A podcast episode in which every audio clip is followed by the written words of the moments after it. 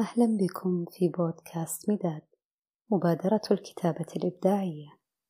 الكتابة عالم موازي هنا نسمعكم صوت الكلمة.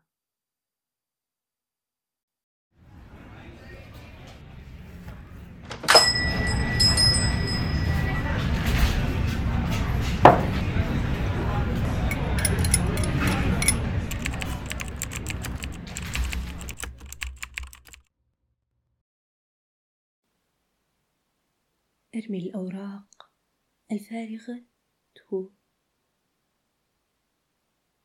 المكدسة شهورا أمامي.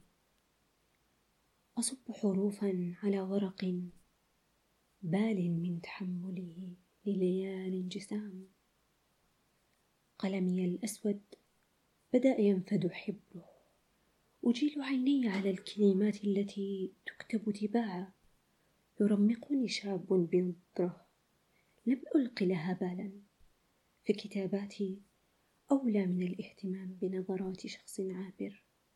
ينظر إلي باستغراب تام بينما أجلس على منضدة أحد المقاهي ناشرة أوراقي عليها. أجلس بمنأ عن العالم قريبا من عالمي.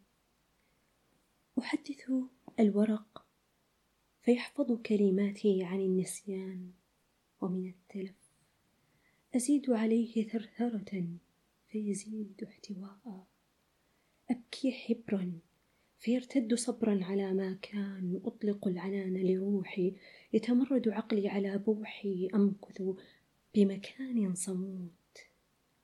أخوض في معركة مع أفكاري فتهزم وتموت أو تحيا. يتمرد عقلي ثانية يفك قيودا ويكبل الواقع بقيود التجاهل ليكون حرا فيما بعد. إن أصبح هذا اليوم ذكرى.